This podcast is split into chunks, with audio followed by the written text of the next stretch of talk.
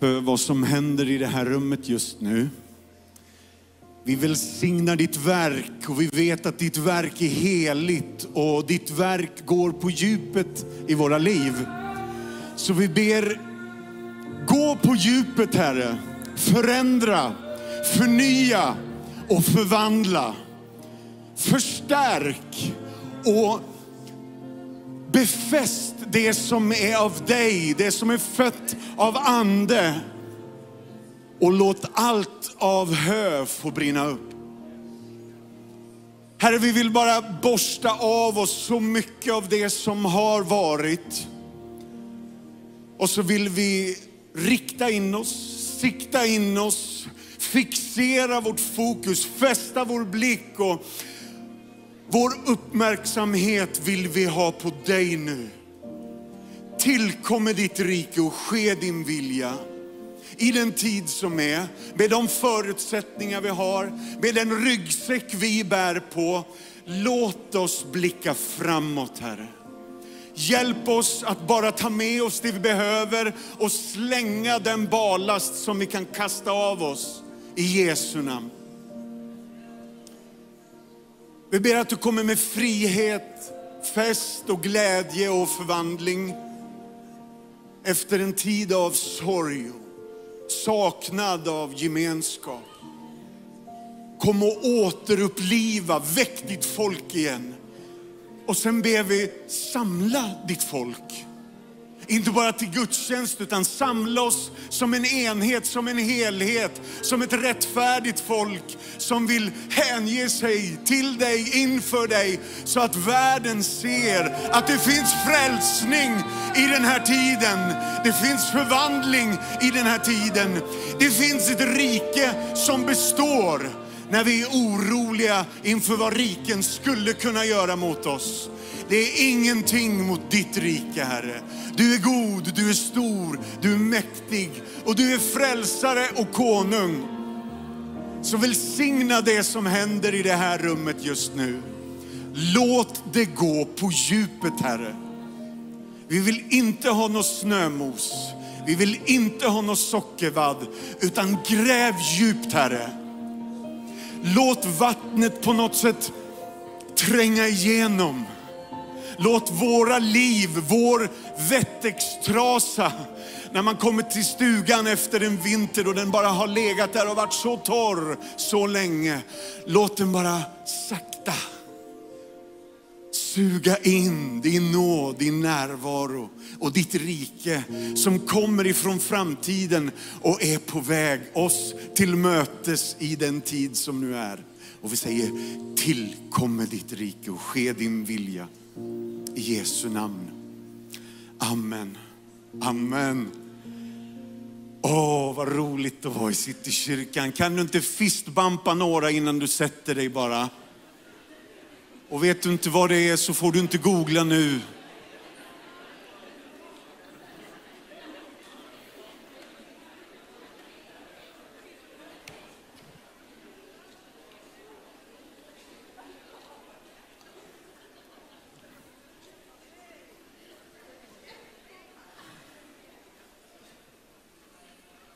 Jag heter Mattias Martinsson. Jag är gift med min fru och vi har tre små minimänniskor som heter Joel, Anton och Ester och de skulle lika gärna kunna heta Semham och Jafet. Jag jobbar som evangelist i fadderbarnsorganisationen Compassion och jag växte upp i Järfälla, Jakobsberg. Och som barn så hängde jag här i Citykyrkan. Jag fastnade mellan dem Ja, den lilla hålan där uppe där du sitter i grönt. Men jag drog in huvudet där.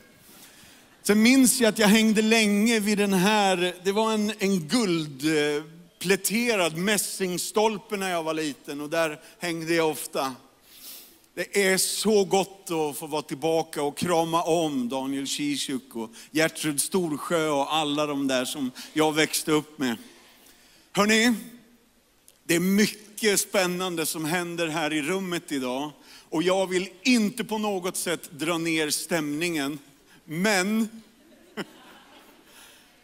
jag har en text. Jag har psalm 88 Och det är den mörkaste salmen i hela Saltaren. Välkommen till Citykyrkan, den gladaste kyrkan i Stockholm. När corona släpper så bjuder de in en svartklädd talare med Beppe Wolgers skägg från Göteborg och flintskallig och så predikar han psalm 88. Den mörkaste texten i hela Bibeln. Varsågod, välkommen. Rubriken på det jag vill säga idag är Hemans heliga hopp. Jag kommer återkomma till det ganska många gånger, men rubriken är ganska kortfattad och rätt så enkel. Hemans heliga hopp. Jag vet inte om du minns Soggy Bottom Boys, de här tre glada killarna i filmen Oh brother where art thou från 2020. Och jag kanske datera mig själv genom att ta en sån gammal film. Men Soggy Bottom Boys sjöng I'm a man of constant sorrow. Och jag gissar att den låten är egentligen skriven av Heman. Vilken låt önskar du att du hade skrivit? Och om du själv svarar på den frågan i huvudet så är min nästa fråga, hur kul på en skala är det om Heman är lovsångsansvarig och crème de la crème i Jerusalem, huvudstaden. Han är en av de tre huvudledarna för hela tjottaballongen. Och det är kung David som har tillsatt honom. Hans farfar är domaren Samuel. Han har 14 söner och tre döttrar. Jag bara, där kan man göra en liten paus. 14 söner och tre döttrar och alla jobbar med honom som tempeltillbedjare. Alla jobbar med honom i kyrkan. Han är en av dem som kallas för Koras söner. Och för att omskriva det till 2021 så är det Alfred Nygrens All Star Band. Alltså Koras söner är de som har skrivit de vackraste av salmer. 41 till 49 och 81 till eh, 84 eller 89. Många är det i alla fall. Och han är ansvarig för allting. Men den enda låten, lyssna nu, som har hans namn, det är den mörkaste i Saltaren. Tänk dig om du hade varit Heman och hade fått frågan om vilken låt önskar du att du hade skrivit, så hade han svarat, ja inte den där. Eller i alla fall så hade jag inte önskat att den kom med i sångboken, för det blir inget bra minne. Vilken legacy. Men jag ska ta dig med i de här verserna och visa att det finns någonting av lärdomar som vi verkligen kan ta till oss. Vi kan investera i de här verserna och de kan, jag höll på att säga som Evil Knievel bli skjuten ur en kanon. Men jag vet att jag har förlorat några av er då. Så jag säger inte det. Vi kör Lillehammer-syndromet istället. Alla vet att det är OS just nu. Var det OS 94 som var i Lillehammer? När OS var över och två, tre tusen människor som hade jobbat med den här grejen dag och natt i flera år.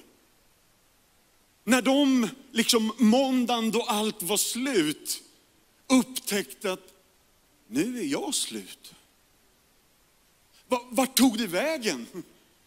Allt det som vi har kämpat upp till, eller allt det som vi har gått igenom. Nu är det på något sätt vid vägs ände. Och hur börjar jag om nu då? Hör ni att det finns en angelägenhet i salmen? Som kan säga oss någonting om Lillehammer-syndromet. Som vi kanske känner i den veckan som har gått eller i de veckorna som kommer. Vad gör vi nu? Hur gör vi? Hur förvaltar vi den här nyvunna friheten? Du kan få se en övergripande tanke som jag kallar för doxologin i Saltaren. Det är psalm 41 och 14, psalm 72, 18 och 20, 89 till 53 och 103 till 48 och psalm 150. Alla de leder oss upp ur dalen Och det är doxologierna, nämligen lovprisningen till Guds namn. Så där skulle vi egentligen vilja vara hela tiden. Men Soggerbottom Boy säger att I'm a man of constant sorrow. Så det finns någonting av att vi hela tiden är på resa. Och är det någon mer än jag som har upptäckt att den är inte spikrak den här. Så därför har vi de här salmerna som psalm 3 eller 13 eller 22 som är, min Gud, min Gud, varför har du övergivit mig? Alla de här leder också framåt. Men problemet är att i 88, och jag vet att några börjar tänka, är det glassen han pratar om eller finns det en verklig bibelvers? Ja, det är både och kan man väl säga. Men psalm 88, och vi ska läsa den tillsammans nu då. Klagan i djupaste nöd. En sång, en psalm av Koras söner. För körledaren till Mahalot Leonot en vishetssalm av Esraiten Heman. Herre min frälsningsgud. Om vi bara gör en kort paus där så kan jag säga, det här är den gladaste passagen. Dag och natt ropar jag till dig. Låt min bön komma inför ditt ansikte. Vänd ditt öra till mitt rop, för min själ är mättad med lidanden och mitt liv närmar sig dödsriket. Jag räknas bland dem som går ner i graven och jag är som en man utan livskraft. Jag är övergiven bland de döda, lik de fallna som ligger i graven, de du inte längre på som inte mer är i dina händer. Du har sänkt mig längst ner i hålan, ner i mörkret, ner i djupet. Din vrede vilar tungt över mig. Alla dina böljor låter du skölja över mig. Sela. Bara, här tycker han att vi ska ta en paus. Bara ha det i bakhuvudet, för det kommer igen. Du har fjärmat mina förtrogna ifrån mig. Du har gjort mig vidrig för dem, fångad så att jag inte kommer ut. Mina ögon förtärs av lidande, Herre. Jag ropar till dig varje dag. Jag sträcker mina händer mot dig. Gör du under för de döda? Kan skuggorna resa sig och tacka dig? Förkunnar man din nåd i graven, din trofasthet i avgrunden, känner man dina under i mörkret din rättfärdighet i glömskans land. Men jag ropar till dig, Herre. Om morgonen möter dig min bön. Varför, Herre, förkastar du min själ? Varför döljer du ditt ansikte för mig? Plågad är jag och döende från min ungdom. Jag bär förskräckelse från dig och förtvivlar. Din vredes lågor sveper över mig, dina fasor förgör mig. Ständigt omsluter de mig med vatten, omringar mig helt och hållet. Mina nära och kära har du fjärmat ifrån mig. I mina förtrogna ställe har jag bara mörker. Det är inte bara en av oss här inne som börjar nynna på Simon and Garfunkel. Hello darkness my old friend, I come to meet with you again.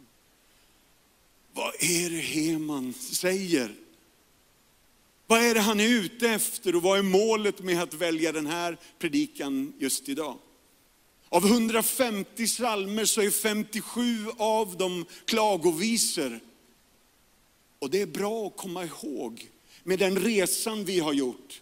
För oss har det bara varit kanske ett par år, men för Heman verkar det ha varit någonting, inte av en livstid, men av en livsstil. Det här verkar ha pågått länge och det verkar inte riktigt visa sig vara avslutat för hans del.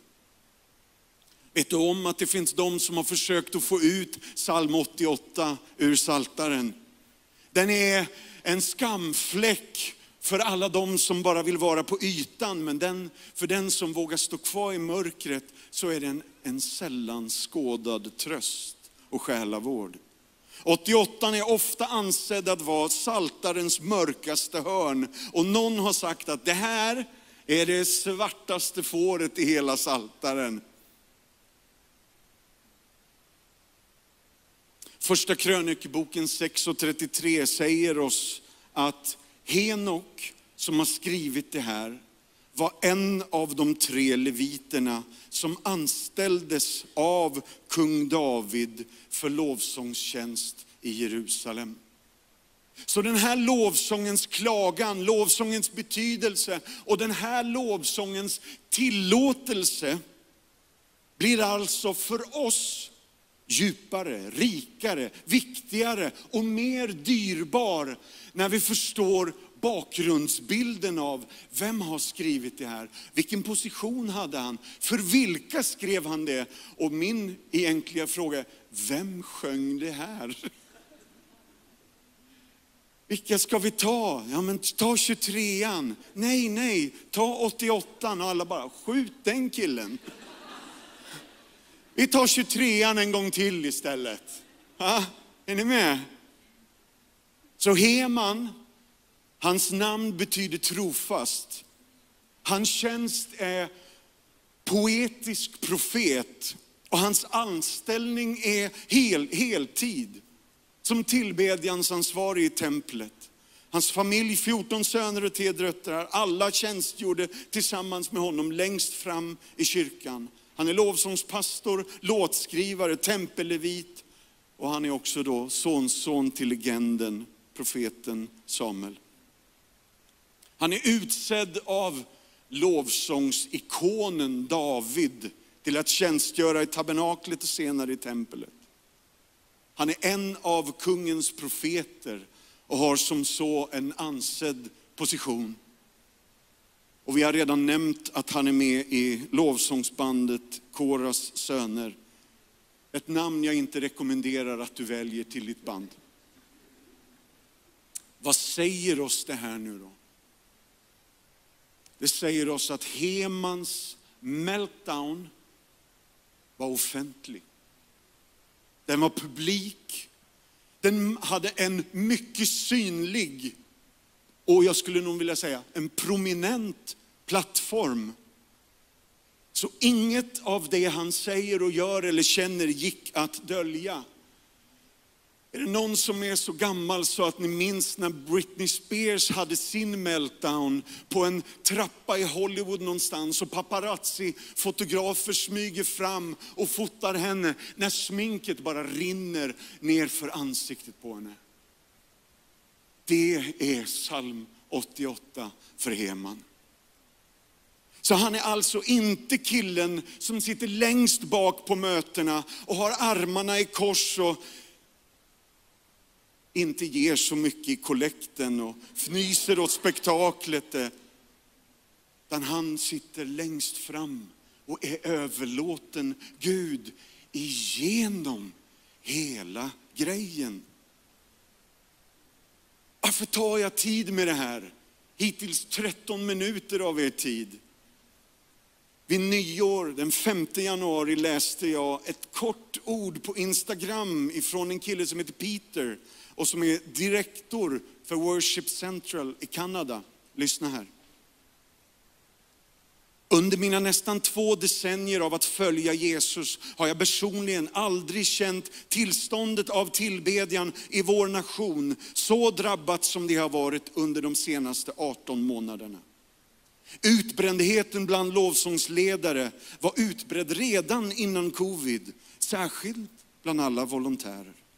Eftersom pandemin tvingade varje lokal församling att förkroppsliga en digital synlighet och närvaro, så har teamen samtidigt varit tvungna att dra ner och ledarna blir ännu mer åsidosatta, samtidigt som de absorberar enorma mängder extra arbetsbördor. Resultatet är den oundvikliga krisen i kampen med identitet, värde, förvirring, ensamhet, utmattning, brist på självförtroende och till och med sjukskrivningar. Det finns en study group som heter Barna. De säger att 38 procent av alla pastorer i landet har övervägt, övervägt att sluta under den här tiden. Så Hemans klagan och Hemans märkliga lovprisning säger oss någonting när vi nu ska kliva ur vårt Lillehammer-syndrom. Hur tar vi oss an den tid som kommer? Inte bara älta den tid som har varit, för det är vi bra på i Sverige. Men vi som kristna behöver kliva fram lite här. Hjälpa varandra att rikta uppmärksamheten. Det här har vi varit i. Yes, det stämmer. Men vart ska vi nu då?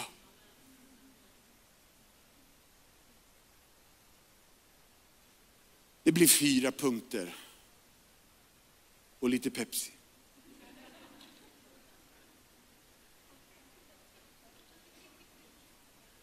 Åh, oh, vad gott. Punkt nummer ett. Orkar ni lite? Ja. Hemans hopp blir synligt i hans ihärdiga och i hans burdusa bedjande.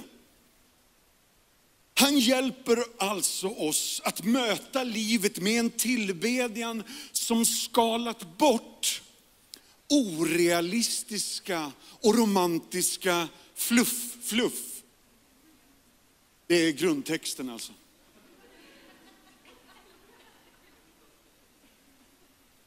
Är ni med?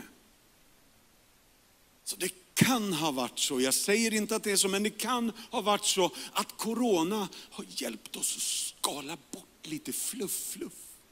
Och att Hemans märkliga men modiga bön säger oss någonting in i den tid som nu kommer. För det första kan vi konstatera att den här Heman, han är hardcore. Alltså det är inte så att han är lite fin i kanten, lite försiktig och skräder orden, utan han bara, bah. det här är bra. Jag skulle nästan vilja säga fram, eller vad står det?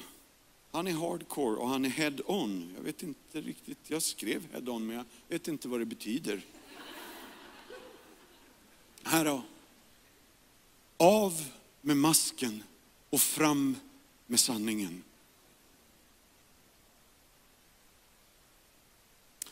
Corrie ten Boom, Dietrich Bonhoeffer, Maximilian Kolbe och tusentals andra vars liv slutade i dödslägret. Men de slutade inte tillbe där, utan där tillbad de än mer, än tydligare. Så de fann trots och tröst och tillbedjan i sådana här lovsånger. Alec Mottayer är en duktig teolog som har sagt, salmerna är skrivna av personer som kände Gud mycket mindre än vad vi gör. Ändå älskade de Gud ännu mer än vad vi gör.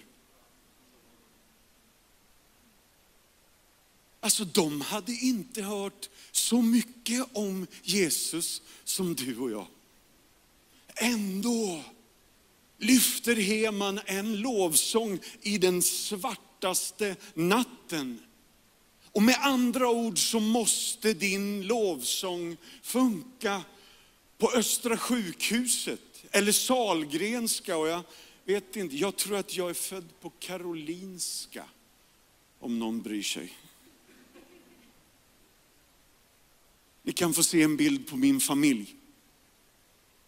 Ett gött gäng och ett synnerligen glatt gäng, men det är mest för att jag tränger ihop dem och vi håller på att välta i den här sekunden.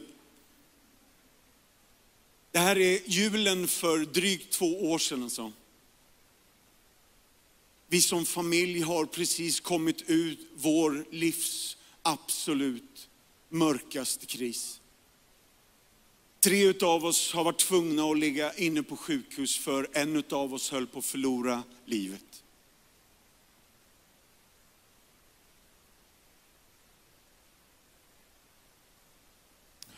vad som höll mig vid liv under de där månaderna. Under de där dagarna, under de där sömnlösa nätterna då man ligger och tystnar, lyssnar. Lever hon?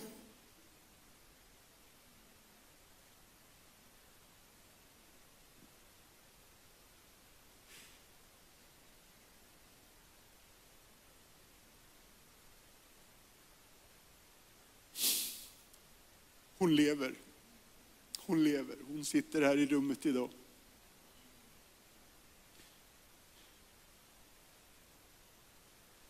Då är det bra med en verktygslåda där det finns lite svårare nycklar. Lite svårare tänger, lite märkligare om man tänker, vad ska jag ha den där till och när ska jag ha den? Och Gud säger, den kommer väl till pass hösten 2019. Låt den ligga kvar i lådan, vi tar den när det är dags. Jag ska visa dig hur du ska använda den. Och så kommer psalm 88 och blir själavård och blir tröst och blir tillbedjan och blir läkedom i en tid då i princip allt gick sönder. Punkt nummer två. Heman är ingen He-Man. Och jag har väntat på att få säga den till er. Heman är ingen He-Man, men inför Guds tystnad så tänker inte han vara tyst. Så han ger oss en offentlig lektion, ett högljutt rop på hjälp ifrån plattformen. Det är inte en stilla depression i källan i, ett, i en städförråd. Utan han ställer sig på scen och ropar ut. Han ropar rakt ut i mörkret. Och det säger oss att det finns ett gensvar där ute. Det finns någon som hör oss i mörkret.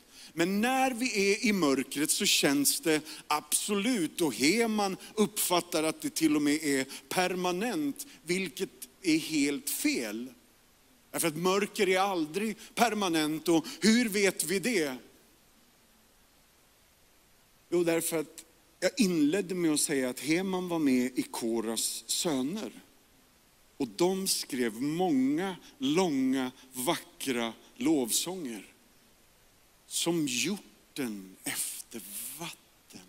Så trängtar min själ efter dig, o Gud. Så även om Heman bara står som författare till just den här, så har han skrivit många sånger av tröst. Och min enkla men lite retoriska fråga är, hur kommer det sig? Jo, för han har varit där och vänt. Och det gör någonting med honom. Alla ni som har varit med på lovsångshelgen, det här gör någonting med er. Just nu kanske inte det uppfattas som jättegott och superpepp. Men du ska inte springa ett 100 meters lopp utan ett maraton. Och då kommer du se att den där märkliga grejen gjorde någon nytta. Men vad säger samtiden? Vad säger systemet om all denna självhjälp? Det erbjuds många dyra, och jag skulle nog kalla dem alla för substitut och jag nämner några lite kort här bara. Några säger, bit ihop, begrav det, suck it up. Och doktorn säger, ta de här tabletterna, hör av dig om tre månader om det inte har blivit bättre. Systembolaget säger frimodigt, drick. Mall of Scandinavia säger, shoppa loss och köp dig fri. Och godiskiosken säger, ät upp det därför att socker hjälper allt. Så självmedicinera. Och gymmet säger, nej men det där kan du träna bort. Du ska ha en personlig tränare. PT heter det visst, jag har ingen aning. Och Netflix säger, kan inte vi få locka dig med att slötitta på en ny serie med 51 säsonger? Jo, säger jag, självklart. Så Hemans lovsång påminner oss om att kyrkan har ett uppdrag att vara Jesu fysiska närvaro till alla de som känner sig övergivna av livet, eller övergivna av Gud, eller övergivna av andra. Grundfrågorna är, har du ätit, har du sovit, har du tagit tid i diakonin eller i själavård? Är du med i en omsorgsgrupp? Har du gått till förbön? Är du med i en husgrupp? Har du fått professionell hjälp eller sjukvård? Och framförallt, läser du din bibel? Ja, det var bara några sådär lite snabbt. Punkt nummer tre. Heman håller hårt i det heliga hoppet. Och den här sången visar oss en trotsig tillbedjare och en tro som tål tuffa tag. När Heman fortsätter att inte bara tala om Gud med andra, utan han talar till Gud om hur han tycker att Gud borde vara. För det har jag gjort i några år. Jag har till och med varit i det där läget, kommer ni ihåg när Moses förhandlar med Gud och säger, stryk mig ur boken om du tar med dem. Jag har legat på Östra sjukhuset och kväll efter kväll fått säga, Gud, kan vi cut a deal här du och jag?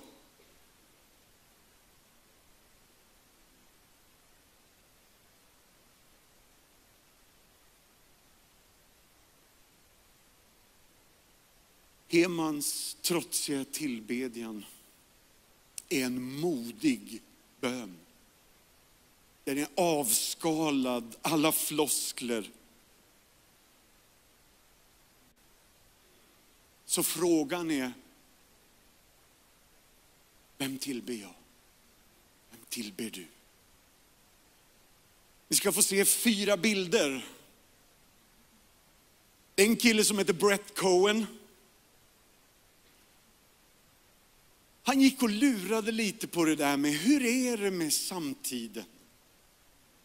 Är det verkligen så att människan på något sätt ger efter för vad som helst, minsta möjliga? Springer vi efter? Han tänkte, är det verkligen sant? Den 27 juli 2012 hade Breath Cohen sminkat sig och pinkat sig och gjort sig riktigt i ordning, hyrt in två dyra, stora, professionella livvakter. Två fotografer smög runt honom som paparazzis och två assistenter passade upp. Han hade köpt en finskjorta på rea och ett par fake dyra solbriller. Han gick ut på gatan ifrån NBC studio på 49 Street och så gick han ner sakta mot Times Square. Så fort han kom utanför svängdörrarna så börjar de första av, lyssna nu, 300 selfies med honom. Photoshoots och en farbror säger att jag älskar din första singel och han säger tack, tack. Och farbrorn fick frågan, kan du sjunga någon av hans sånger? Nej, inte just nu. Han kunde inte minnas riktigt. Några tonårsgrabbar säger, oh, men vi älskar hans senaste film, han är ju sån bra. Sidekick i, är det Spiderman? Nej, jag kommer inte ihåg riktigt, säger polaren. Men bra var han. Och tjejerna, de tycker han är så snygg. De skriker och de gapar och de ska ta, det här är ju innan selfie blev uppfunnen nästan. Polisen vill bli fotad med fotbollsstjärnan. Och det var någon som var övertygad om att de hade hört honom på radio nyss. Och det var någon som tyckte han var så excellent, han var så absolut awesome. Och han har framtiden för sig, vadå? Jo, i filmbranschen. Och en man sa, eftersom jag idag har fått min bild tagen med honom så känner jag mig så speciell.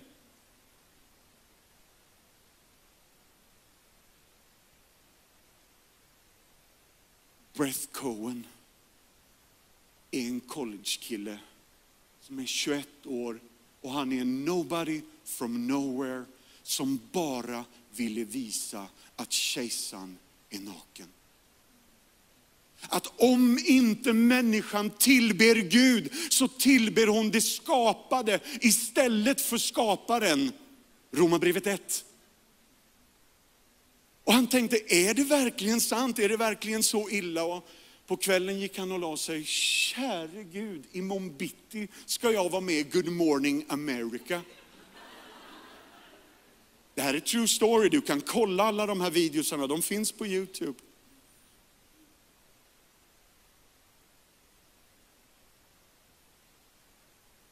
Avslutningen på Sagan om ringen. Sam och Frodo traskar genom Mordor.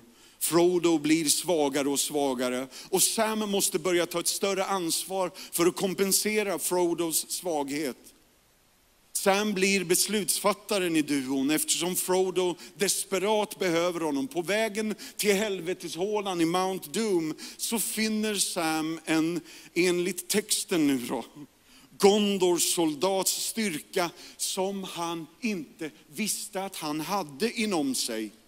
Just som hoppet dog i Sam, eller tycktes dö, så vände det till en ny styrka och Sams alldagliga hobbitansikte blev beslutsamt, nästan grymt, samtidigt som viljan reste sig i honom. Och han kände en laddning genom hela kroppen, som om han förvandlats till en varelse av sten och stål, som varken förtvivlan, trötthet eller oändliga karga mil någonsin kunde dämpa eller kväva.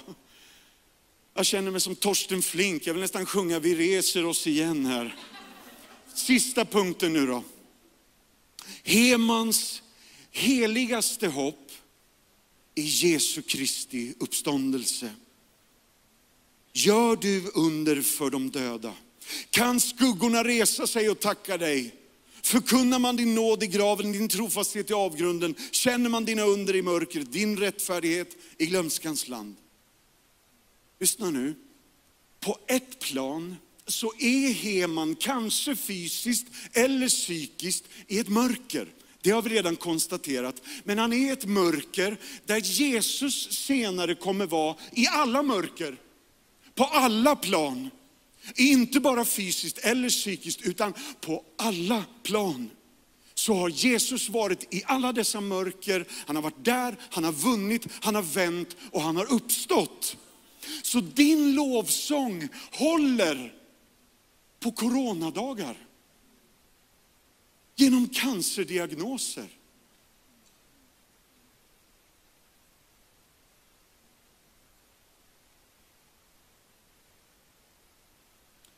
Det mörker som Heman ropar ut i natten får sitt svar i Jesu kors.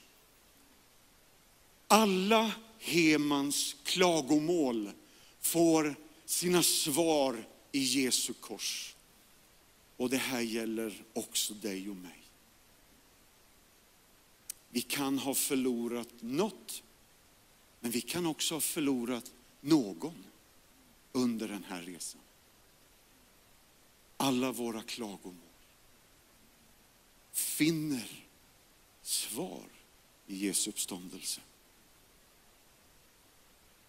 Förkastad, förskjuten, föraktad, försakad och på den mörkaste av dagar ropar Jesus, Fader förlåt dem. Och sen slutar han med, det är fullbordat. Och det betyder att Jesu märkliga avslut blir början på din nystart. Så Jesu mörka grav är platsen för din ljusa uppståndelse. Så Gud faller ner i det mörkaste djup, slår ihjäl den mörkaste av Balrog och får psalm 88 att se ut som en mild eftermiddagsskugga.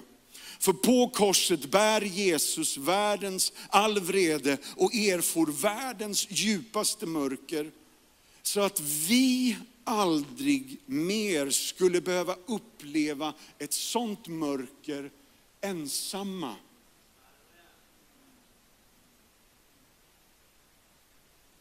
Och på salmistens retoriska fråga får uppståndelsens ljus ett helt nytt svar. Kommer din nåd att förkunnas i graven? Kommer din trofasthet att predikas i avgrunden? Den tomma graven ropar nu ut en segerviss bekräftelse. Ja, han är sannoliken uppstånden. Så vi kan känna oss övergivna. Men Jesus var övergiven. En gång för alla och för alla en gång. Nu ställer vi oss upp och så ber vi en bön och sen ska vi bjuda in till förbön och handpåläggning. Mm.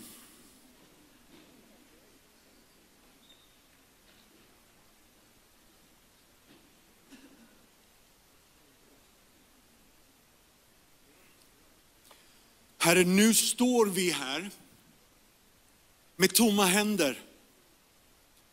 Och om vi bär på något, lyft av den bördan.